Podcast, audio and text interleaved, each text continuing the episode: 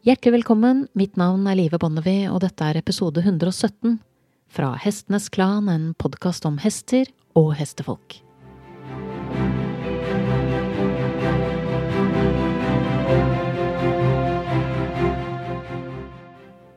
Det som er viktig å vite om smerte, det er at den ikke er synlig for andre før den gir ytre symptomer. Så man kan faktisk gå rundt og ha veldig vondt uten at noen trenger å legge merke til det. Jeg har for eksempel tidvis vært stokkhaldt i to måneder denne sommeren, uten at verken familien min eller kollegaene mine har klart å oppdage det. Fordi jeg har kompensert, så det har ikke vært så lett å se det. Og fordi jeg har tatt det pent på dårlige dager, og så har jeg unngått å gjøre et nummer av det. Jeg har lidd i stillhet, som det så pent heter. Og jeg har tatt meg å tenke på hvor ofte gjør hestene våre det samme? Og ikke minst, hva møter vi dem med hvis vi ikke forstår hvorfor de ikke presterer som forventet? Jeg valgte å skjule min egen halthet fordi jeg ikke orket å forholde meg til den mer enn nødvendig. Jeg hadde verken tid eller orket det. Men til slutt så ble det så ille at legen min sendte meg på MR, og med diagnosen så fulgte det en meget effektiv behandling, som gjorde meg helt haltfri og smertefri på to dager. Men hvordan hadde denne periodevise haltheten forløpt hvis jeg var hest, tenkte jeg, for hadde jeg vært hest, så hadde jeg jo anstrengt meg enda mer for å skjule den. Hester er byttedyr, og det innebærer blant annet at de er svært gode til å skjule smerter, fordi smerter og skader gjør dem særlig sårbare i møte med rovdyr. Jeg kommer umiddelbart på mange hester jeg har møtt i løpet av den tiden jeg har ridd, som jeg med årene har innsett at må ha hatt betydelig smerteproblematikk, når jeg tenker tilbake på symptomene retrospektivt. For eksempel disse fire vilkårlige hestene, som hadde det til felles at de enten manglet et fremad, eller ikke gikk akkurat slik som rytteren ønsket.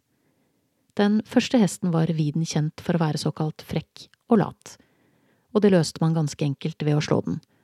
Og da mener jeg at vi som red den hesten, vi slo den så hardt vi kunne med pisken. Og da gikk hesten for all del frem, men ikke slik en frisk og uthvilt hest ville gjort det. Så det ble gjerne flere runder med slag på hver eneste tur, og interessant nok også på hvert eneste stevne, uten at noen noen gang hevet et øyenbryn.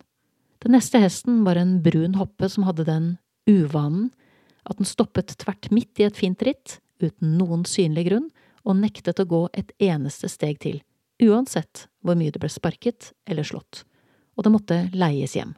Dette var en fòrhest som ble ridd av flere uerfarne tenåringer, og det var på en tid hvor det å sette hesten på plass ved å banke løs med pisken til det ga ønsket effekt, var en ganske normal og skremmende akseptert fremgangsmåte, som ofte opplevdes som en grei løsning på et problem, der hesten plutselig slo på brekket uten noen forklarlig grunn.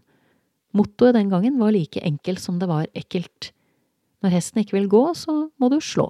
Jeg tror ikke det falt noen av oss inn at det kunne hende at denne hesten hadde gode grunner til å ikke tilby noe særlig fremad.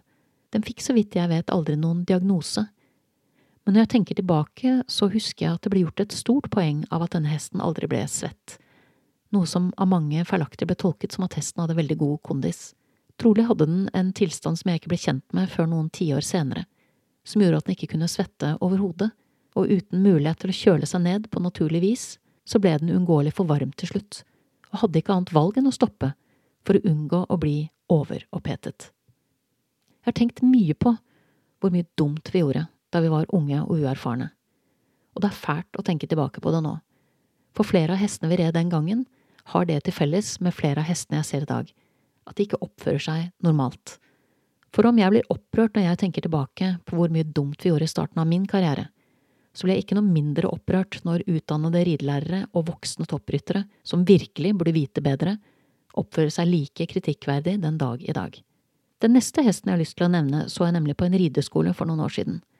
Det var en såkalt fuglekikker som gikk med hodet høyt, og kombinerte dette med et solid fremad og en ganske god porsjon engstelse. Dermed ble den jo for sterk og for krevende å ri på for småjentene i rideskolen. Dette løste ridelæreren ved å bruke en innspenning som tvang hestens hode ned i det man ynder å kalle en riktig form. Jeg så med innspenning en gang etter en endt ridetime med nybegynnere. Det må kunne sies å ha vært et lett parti, med mest skritt, litt trav og et par runder galopp. Ingen av de andre hestene hadde så mye som en dråpe svette på halsen, men hesten med innspenningen var våt til skinnet, etter å ha kjempet desperat og til ingen nytte for å beskytte det jeg antar var et betydelig fysisk problem, gjennom en 45 minutter lang økt. Det er heller ikke mange år siden jeg så en internasjonal instruktør som underviser på landslagsnivå, ri en hest igjennom, som det så pent heter, når man tvinger hesten, som typisk prøver å beskytte en svakhet, til å gi etter, noe som gjerne skjer først når hesten er helt utmattet. Dette var en hest som ikke fattet venstregalopp godt nok, trolig fordi bekkenet var synlig skjevt.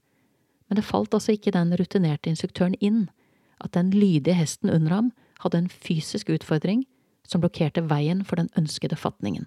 Det ble tolket som ulydighet og håndtert deretter. Dette er fire ekstreme eksempler, der manglende følsomhet og manglende kompetanse er viktige ingredienser. Men hva med det vi må anta er det store flertallet av ryttere, som vil hesten sin vel, leser den etter beste evne og følger opp med gode trenere, gode behandlere og har tett kontakt med veterinær og likevel ender opp med å krysse grenser. Jeg føler langt på vei at jeg er i en slik situasjon med min egen hest akkurat nå.